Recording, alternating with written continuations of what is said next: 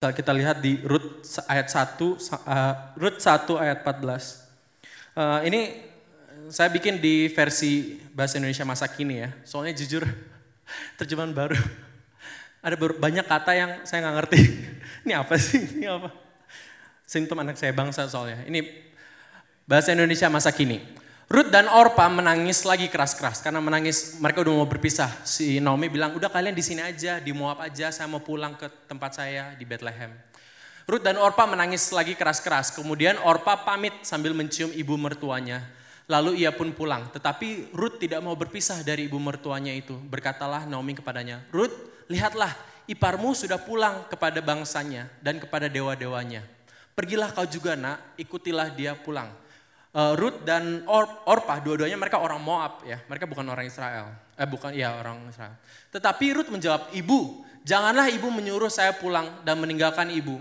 Saya mau ikut bersama ibu. Ke mana pun ibu pergi, ke situlah saya pergi. Di mana pun ibu tinggal, di situ juga saya mau tinggal. Bangsa ibu itu bangsa saya. Allah yang ibu sembah akan saya sembah juga.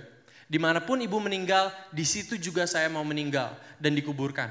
Tuhan eh, Tuhan kiranya menghukum saya seberat-beratnya jika saya mau berpisah dari ibu, kecuali kematian memisahkan kita. Namun eh, Naomi melihat bahwa Ruth berkeras untuk ikut. Jadi ia tidak mengatakan apa-apa lagi. Maka mereka meneruskan perjalanan sampai tiba di Bethlehem. Mari kita berdoa dulu. Tuhan mengucap syukur untuk kesempatan yang kau berikan Tuhan bahwa uh, untuk kebaktian ini Bapak kami mau mengenal lebih mengenal lebih mengenai firman-Mu Tuhan. Kami mau mengenal isi hatimu Tuhan.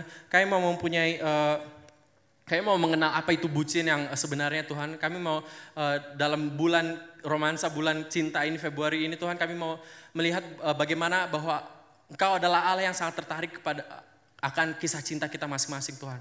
Engkau adalah Allah yang berdaulat juga, Engkau adalah Allah yang uh, yang ingin terlibat dan sangat-sangat mempedulikan mengenai kisah cinta kita masing-masing Tuhan. Biar apa yang kami pelajari hari ini melalui hambamu ini Tuhan, biar apa pun uh, memuliakan Engkau, meninggikan nama Engkau dan merubah hidup kami Tuhan dan membuat kami mempunyai perspektif yang baru akan Engkau. Terima kasih Bapak dalam nama Tuhan Yesus aku berdoa. Kita semua yang percaya katakan amin. Oke, okay. Relationship goals. Siapa yang punya? Punya kan? relationship goals gitu. Kita punya, oh ya sorry sebentar. Di sini survei aja ya supaya saya, saya tahu saya berbicara kepada survei. Yang belum menikah, yang belum menikah siapa belum menikah? Ya 99% ya, kalau gitu bagus, kalau gitu pas. Kalau gitu pas saya, saya siapkan. Tahu udah nikah semua? Siapa lu belum nikah? Enggak, saya juga belum nikah. Oke, jadi mayoritas single ya. Uh, single belum nikah. Nah, kita semua punya relationship goals. Kita semua punya, kita misalnya nonton film ya, nonton series, Korean drama, atau Netflix, sosial media. Kita tuh punya uh, bayangan, kita tuh punya referensi lah. Kalau punya pasangan itu seperti apa. Dan kalau punya, kalau menikah tuh kayak gimana? Aduh enak banget ya, aduh so sweet banget kalau nonton Karin Dharma. Aduh opa, Denny opa. kalau nonton Netflix, aduh ya ampun so sweet banget, aduh cantik banget nih cewek gue. Pengennya pacar gue harus kayak cewek ini gitu. Misalnya lagi nonton, uh, aduh ini ceweknya so sweet banget. Cowoknya juga ganteng banget, aduh manly banget, gue pengen punya yang kayak gini gitu. Nah itu semua bikin kita nontonnya tuh rasa ya mixed feelings ya bang ya waktu kita nonton Love Rosie berdua malam-malam ya. Aduh, aduh Lily Collins, aduh. nah, cuman sayangnya eh, hal-hal yang kita lihat referensi itu membuat apa ya, mengdistorsi, mengdistorsi apa itu sebenarnya uh, menjalin hubungan. Apa itu sebenarnya maksudnya kisah cinta itu sebenarnya kayak gimana? Walaupun oh ya, pertama itu kan Hollywood ya film atau atau nggak Korean drama apa pun itu tuh dibuat-buat itu tuh uh, ya rekayasa lah. Kalaupun asli misalnya ya mereka tunjukin apa yang mereka mau tunjukin aja. Instagram, sosial media, aduh ada couple apa uh, account couple by Nine Gag. Ya ampun nih relationship goals banget, quotes quotes semua itu mereka nunjukin apa yang mau mereka tunjukin. Mungkin di baliknya itu kita nggak lihat bagaimana sakit-sakitnya, bagaimana uh, berantem-berantemnya, bagaimana downs, ups and downs. Nah yang kita lihat itu apa yang uh, mereka mau tunjukkan aja, apa yang baik-baik aja sehingga real, apa ekspektasi kita terhadap punya punya pasangan, punya pacar tuh maunya kayak gini gitu. Pas udah punya pasangan mungkin, akhirnya realitanya kita lihat berapa orang akhirnya cerai, berapa orang putus, pacaran, putus, pacaran, putus. Apa uh, luka secara emosi, luka secara mungkin fisikal. Karena realitanya kalau kita berpasangan terus kita putus, kita pacaran lagi, kita putus pacaran lagi piece, uh, little by little, piece by piece kita tuh kasih isi hati kita. Kita is, kasih uh, kepingan-kepingan emosi kita. Kita kasih kepingan-kepingan mungkin spirituality kita. Dan makin lama kita ngerasa, orang-orang ngerasa banyak yang ngerasa hancur gitu. Banyak yang ngerasa insecure, banyak yang ngerasa, duh gue luka banget, mungkin udah gak percaya lagi sama pasangan mungkin. Udah gak percaya lagi sama true love. Nah, atau mungkin tetap uh, jadian atau tetap menikah tapi hubungannya toksik banget. Uh, berantem sana sini, berantem terus-terus berantem. Nah, ini tuh ini yang membuat uh, kisah cinta orang-orang kebanyakan di bumi itu jadinya rusak. Jadinya enggak nggak relationship goals gitu. Kenapa orang mau melakukannya lagi? Kenapa mau cari pasangan lagi? Karena uh, mungkin mereka rasa kesepian, aduh butuh teman, aduh gue tuh gini-gini terus ya hidupnya coba kalau udah punya pasangan ya pasti gue lebih excel, pasti gue lebih bahagia, pasti gue lebih komplit gitu. Newsflash, sebenarnya gak ada satupun orang di dunia yang bisa memenuhi kita guys. Ini poin yang penting, gak ada satupun orang di dunia termasuk keluarga, pasangan kita yang bisa memenuhi kita tuh gak ada. Jadi eh, istilah kepercayaan kita harus mencari orang yang bisa memenuhi kita supaya kita saling melengkapi pas kita barengan, uh jadi satu satu orang yang perfect banget. Itu tuh nggak ada, itu mitos.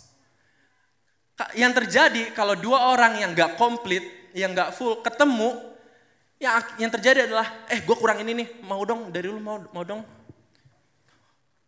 Oh gue juga kurang, mau dong dari lu, dari kamu, dari kamu mana mana mana. Yakin jadi take take away from each other, bukan giving from each other. Itulah makanya di, uh, di kejadian bilang dua menjadi satu, bukan setengah-setengah menjadi satu. Nah jadi realitanya sebenarnya kita tuh gak bisa mencari kepenuhan diri kita dari pasangan.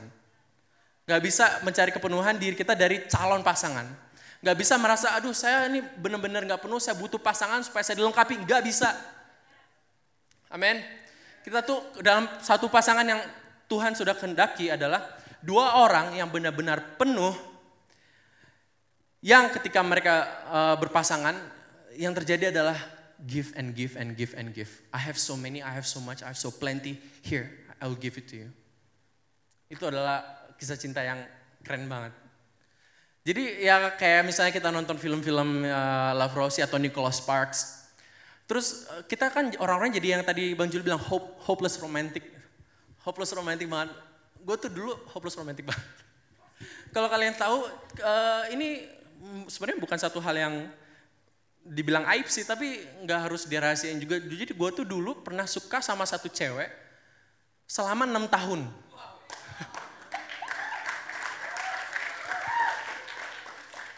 Akhirnya pas setelah enam tahun, ditolak juga. Nah itu tuh uh, gue dulu hopeless romantic banget dulu tuh Tumblr ya ininya. Tumblr tuh lagi ngetren banget ngeblok gitu. Aduh berapa banyak puisi yang gue bikin mengenai cewek itu. Tapi ya aduh kalau ngebacanya tuh cringe banget. Ya itulah hopeless romantic gitu. Romantic yang hopeless. Gak, gak, gak ada harapan. Wake up gitu, wake up. Ya, cara kita penuh itu bukan dari pasangan kita, amin. Nah kalau kita lihat di Rut tadi, Rut, eh, Rut 1 ayat 16. Aduh, oke. Okay. Tetapi Rut menjawab, ini waktu Naomi suruh pulang ya, Rut menjawab. By the way ini Rut lagi tiba-tiba jomblo. Karena suaminya kan meninggal. Uh, tiba-tiba janda. Ih jomblo, janda kan jomblo. Ayat 16, tetapi Ruth menjawab, ibu janganlah ibu menyuruh saya pulang dan meninggalkan ibu bla bla bla bla sampai akhir. Orpa akhirnya balik lagi ke Moab, saya mau di sini aja, saya mau cari jodoh lagi di sini. Tapi Ruth dia merasa, dia tahu rasa amannya itu bukan dari pasangannya. Rasa amannya itu bukan dari calon pasangannya. Jadi dia bilang, e, ibu mertuanya ya, by the way ini uh, hubungan mertua dan anak yang ideal, apa ideal apa ya, ini banget ya, kayak jarang banget kelihatan di bumi.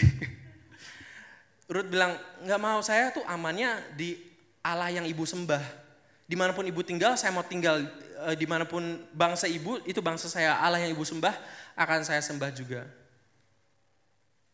Nah pelajaran yang satu yang kita e, bisa belajar dari Ruth itu e, sebenarnya tidak ada yang dapat melengkapi dan memenuhi kita selain Kristus. Ya, jadi jangan cari pelengkapan tuh dari pasangan. Di mana pun stage uh, hubungan kita, mau kita di masih jomblo atau kita, eh, kita single atau lagi pacaran atau udah menikah bahkan kita nggak bisa cari apa yang kita butuhkan dari pasangan kita. Yang terjadi adalah kita korek-korek apa yang kita butuhkan padahal dia juga nggak punya.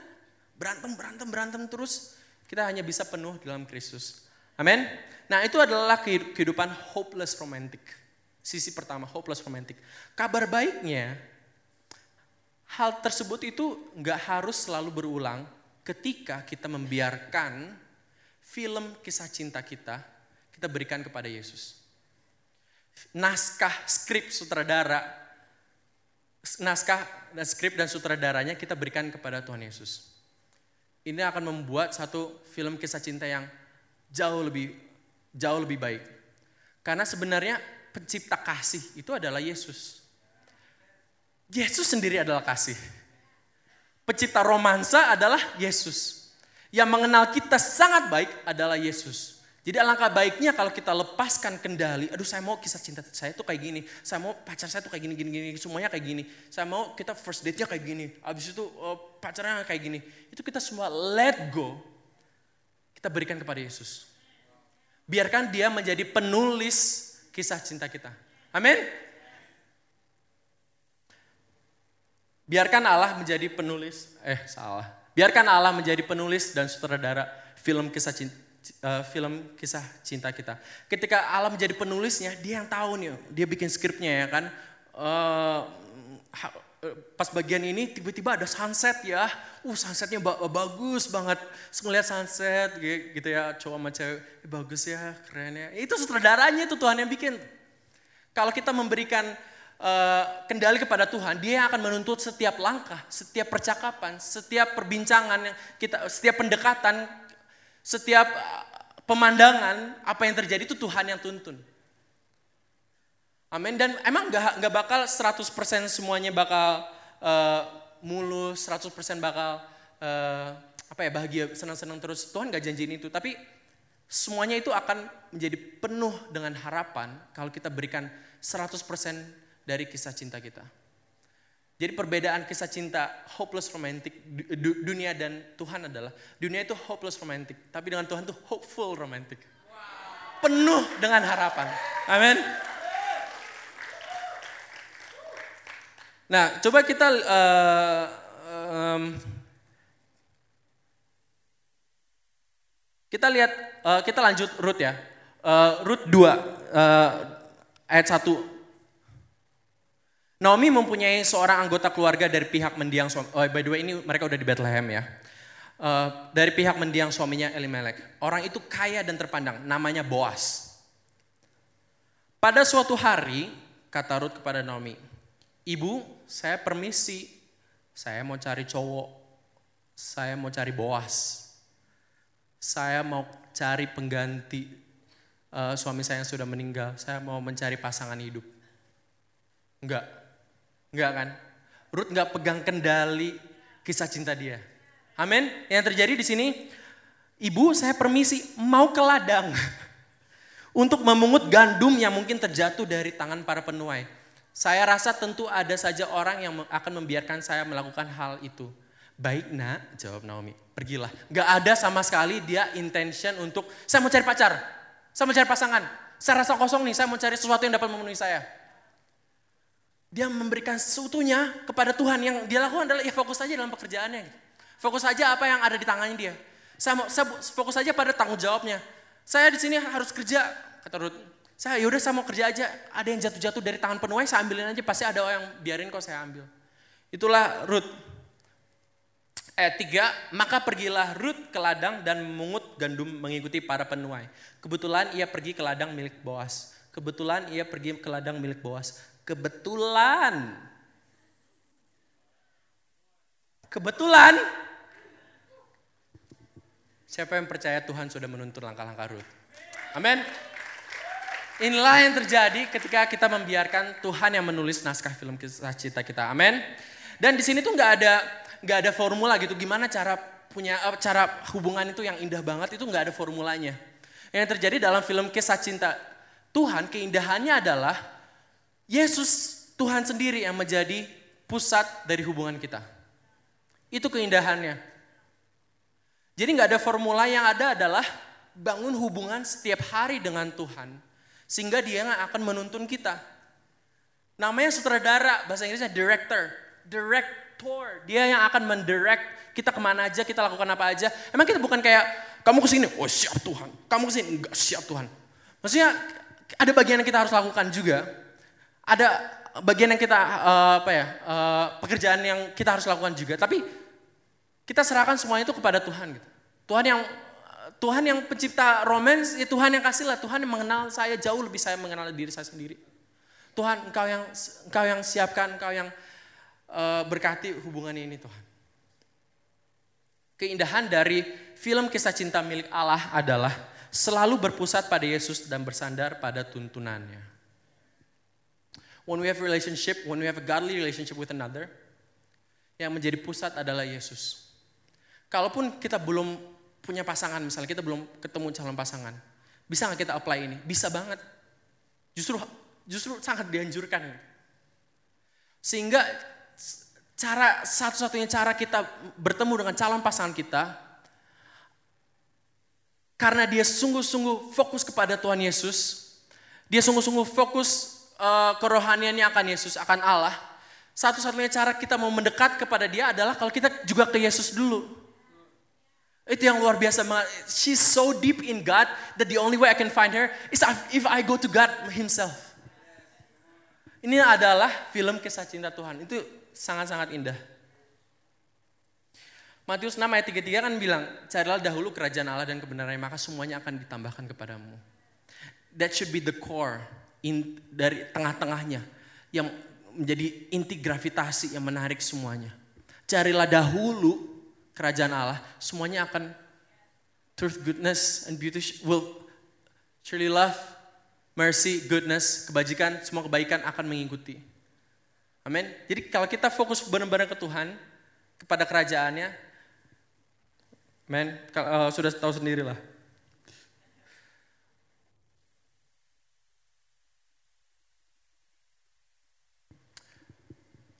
Tapi kadang kan kita takut ya, aduh kalau Tuhan ketemuin saya ke orang yang saya nggak suka gimana? Kalau Tuhan temuin saya kepada orang yang yang sebenarnya sangat tertarik gimana? This is the beauty of letting go and letting God. Ketika kita melepaskan hidup kita, kita menemukan hidup kita. Amin, itu kan ayatnya. Ketika kita melepaskan kendali, Tuhan yang akan mengendalikan dan Tuhan yang akan memuaskan diri kita sendiri. Percayalah kepada Tuhan, 100% kepada Tuhan, kita nggak bisa underestimate Tuhan, itu impossible banget.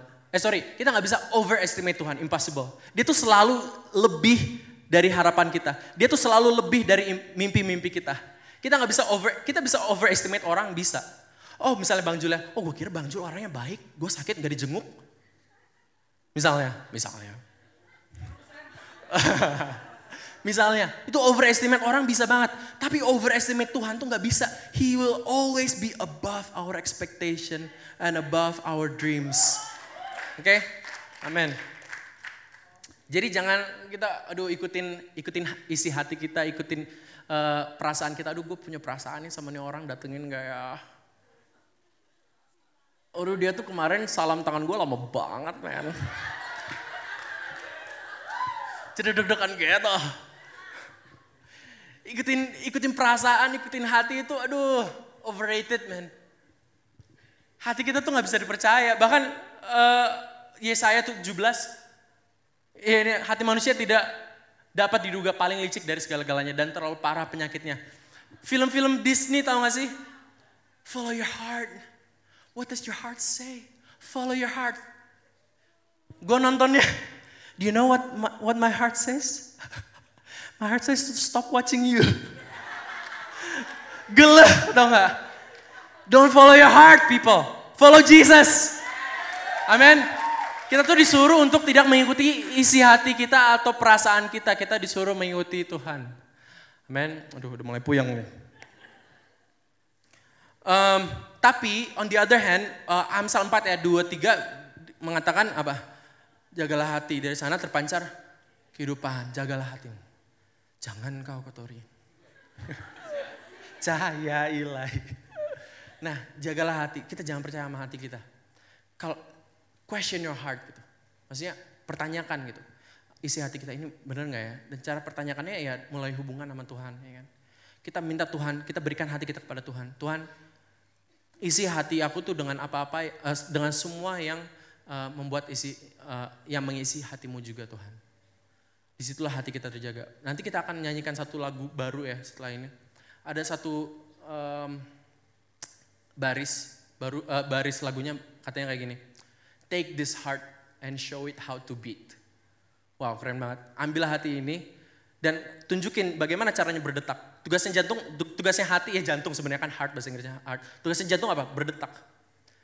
Mas, kenapa, ngapain kita kasih Tuhan, uh, gimana sih caranya berdetak? Maksudnya itu bagaimana cara hati ini bekerja gitu. Bagaimana cara kita melakukan hal-hal yang dari hati saya, hati kita. Isi ha, isi hati kita adalah isi uh, isi yang harus harusnya uh, penuh dengan hal-hal yang mengisi hati Yesus juga. Amin. Oke. Okay. Nah, sekarang kita udah punya film kisah cinta uh, versi Allah. Apa sih cinta versi Allah? Cinta versi Allah adalah agape. Apa itu agape? Pengorban, berkorban, pengorbanan. Ini adalah cinta yang sebenarnya. Cinta itu bukan feeling. Cinta itu bukan, aduh punya deg-degan gue, my heart skips a beat. Aduh gue deg-degan banget butterflies gitu. Eh butterfly mah di perut ya. Aduh, tapi cinta itu berkorban, cinta itu action, tindakan. Bahkan cinta itu keputusan. Cinta itu keputusan. Misalnya ya, ada satu orang, misalnya dalam satu pasangan gitu. Pasangannya itu eh, pas mereka udah menikah, mungkin ya contohnya, istrinya bilang, suami saya tuh banyak banget kekurangannya. Gini, gini, gitu-gitu, dia tuh banyak banget kekurangannya. Tapi cinta adalah keputusan bukan perasaan. Cinta adalah keputusan. Saya mau tetap memutuskan untuk menyayangi dia. Love despite, bukan love because. Ini adalah kasih versi Tuhan, agape. Amin. Nah, uh, jangan juga kita mengikuti tren dunia sebagai cara untuk mencari pasangan. Ya, tren dunia, aduh lihat di uh, influencer, Instagram tuh orang-orang tuh pada gimana ya? Uh, elok elok banget ya. Cantik banget ganteng banget six pack abs. Gue nggak punya six pack abs sekarang tau nggak? Pernah. Gue punyanya abdi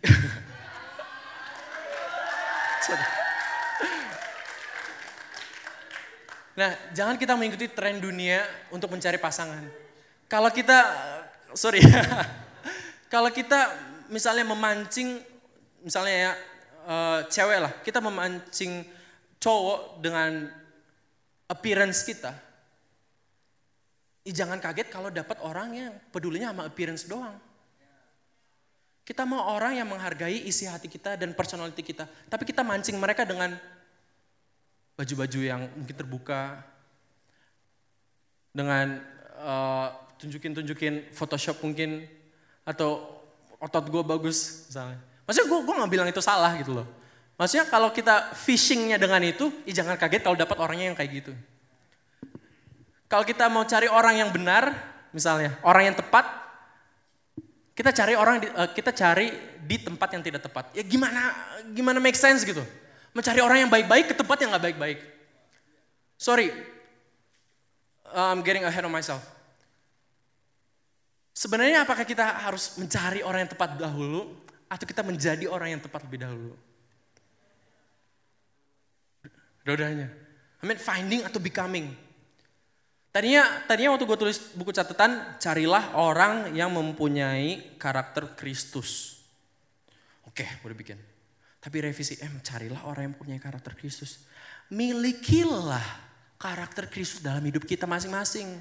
Maka kita akan ditemukan kepada orang-orang yang mempunyai karakter Kristus. Amin. Jadi fokus kepada diri kita dulu, dulu sendiri. Amin. Jadilah orang yang tepat. Kalau kita uh, perginya ke tempat yang tidak tepat, jangan expect ketemu orang yang tepat. Kalau gue masih single banget nih misalnya desperate, gue sih bakal uh, 20 24/7 ke gereja terus. Ada komsel komsel, ada pelayanan pelayanan. Karena itu kan tempat yang tepat ya. Siapa tahu ketemu orang yang tepat di situ. Siapa tahu. Amin. Uh, coba kita lihat di uh, tadi lanjut ya Rut. Ini Rut 2 ayat 5. Lalu Boas bertanya kepada mandurnya. Oh sorry, ini konteksnya Rut udah bekerja di ladangnya Boas. Tiba-tiba Boas datang.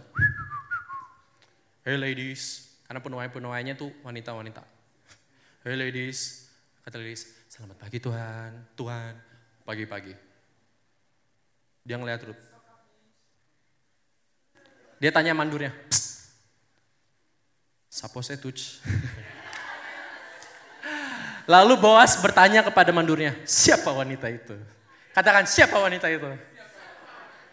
Mandur itu menjawab, dia wanita bangsa Moab yang baru datang bersama Naomi dari negeri Moab.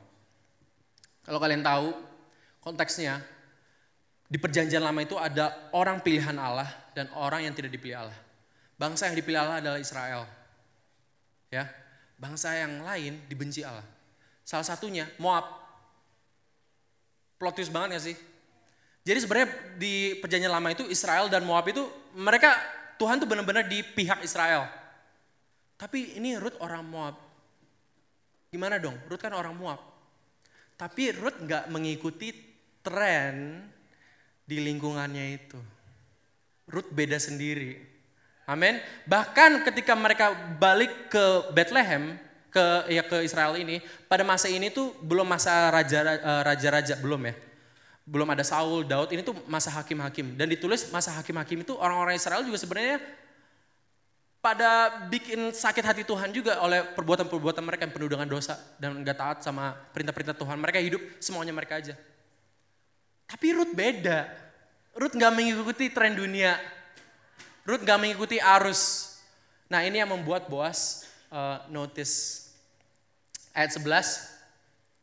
Boas menjawab, ini Boas uh, sedang berbicara kepada Ruth. Boas menjawab, saya sudah mendengar tentang segala sesuatu yang kau lakukan terhadap ibu mertuamu sejak suamimu meninggal. Saya tahu bahwa engkau telah meninggalkan orang tuamu dan tanah airmu uh, untuk datang dan tinggal di sini bersama orang-orang yang uh, yang belum kau kenal. Ayat 12, semoga Tuhan membalas segala kebaikanmu. Semoga kau menerima apa yang patut diberikan kepada oleh Tuhan Allah Israel. Karena kau telah datang untuk berlindung kepadanya. Boas bilang, eh saya tahu, saya udah dengar. Kamu tuh udah dibilang, di ngomongin orang, kamu tuh cewek yang berbeda. Uh, apa kalian, uh, apa saudara tahu uh, hmm, Woman of Noble Character di Amsal 31? Ladies pasti tahu ya, Amsal 31. Istri yang cakap, katanya istri yang cakap, Amsal 31. Itu kalau cewek-cewek mau eh, apa sih, gimana ya cara jadi cewek yang kayak woman of God itu. Nah, baca Amsal 31. Ini adalah tulisannya istri yang cakap. Istri yang cakap tuh gini, istri yang cakap tuh gini. Ada bahkan ayatnya uh, ayat 29 ya. Hmm, tampilan fisik itu uh, temporary, bahkan menipu. Tapi perempuan yang takut akan Tuhan uh, itu jauh lebih berharga. Gue lupa ayatnya. Nah, di sini Boas bilang, ya saya tahu saya juga udah dengar kamu istri yang cakap. Ini pakai kata yang sama di Amsal 31 ini. Ruth ini adalah perempuan yang beda dari perempuan-perempuan yang lain. Di Amsal 31 ayat 10 sama 12 ya, kalau saudara catat. Dan Amsal 31 ayat 30. Ruth tidak mengikuti kebiasaan orang Moab ataupun kebiasaan orang Bethlehem pada masa hakim-hakim. Ruth adalah perempuan yang berbeda. Itu yang membuat dia beda gitu. Itu yang membuat dia interesting. Kalau kita sama seperti orang-orang mayoritas, bagaimana kita mau menarik perhatian calon pasangan kita. Ya sih, oh ini sama kayak orang lain. Easy to get, soalnya sama, yang lain juga kayak gini kok. Saya minta perhatian saudara sebentar di sini. Fokus sebentar. Uh, sorry, ini mungkin udah jam satu udah lewat waktunya, tapi saya minta fokus sebentar. Ini penting. Karena spoilernya Ruth sama Boas akhirnya mereka menikah. Akhirnya mereka menikah, ini adalah kisah cinta yang sudah Tuhan tuntun.